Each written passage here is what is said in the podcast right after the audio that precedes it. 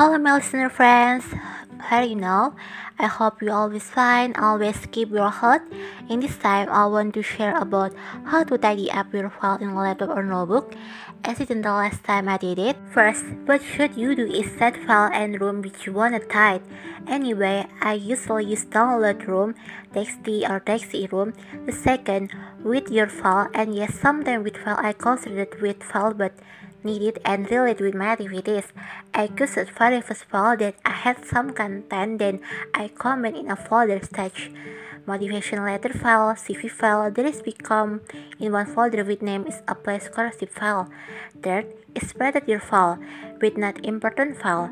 And yes, before you delete an important file, you must think, are you really really sure about this or nothing?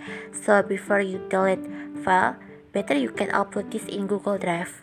And therefore, make decision of how many folder which appear in screen.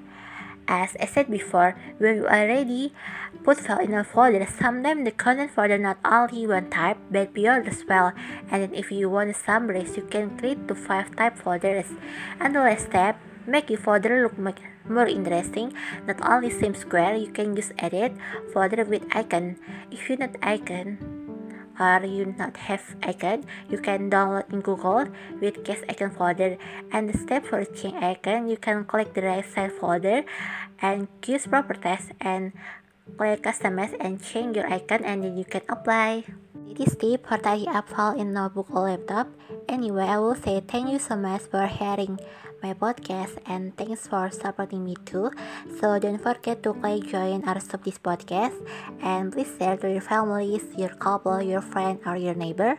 And then please wait in the next episode I will share the news for you. Thank you so much and see you later.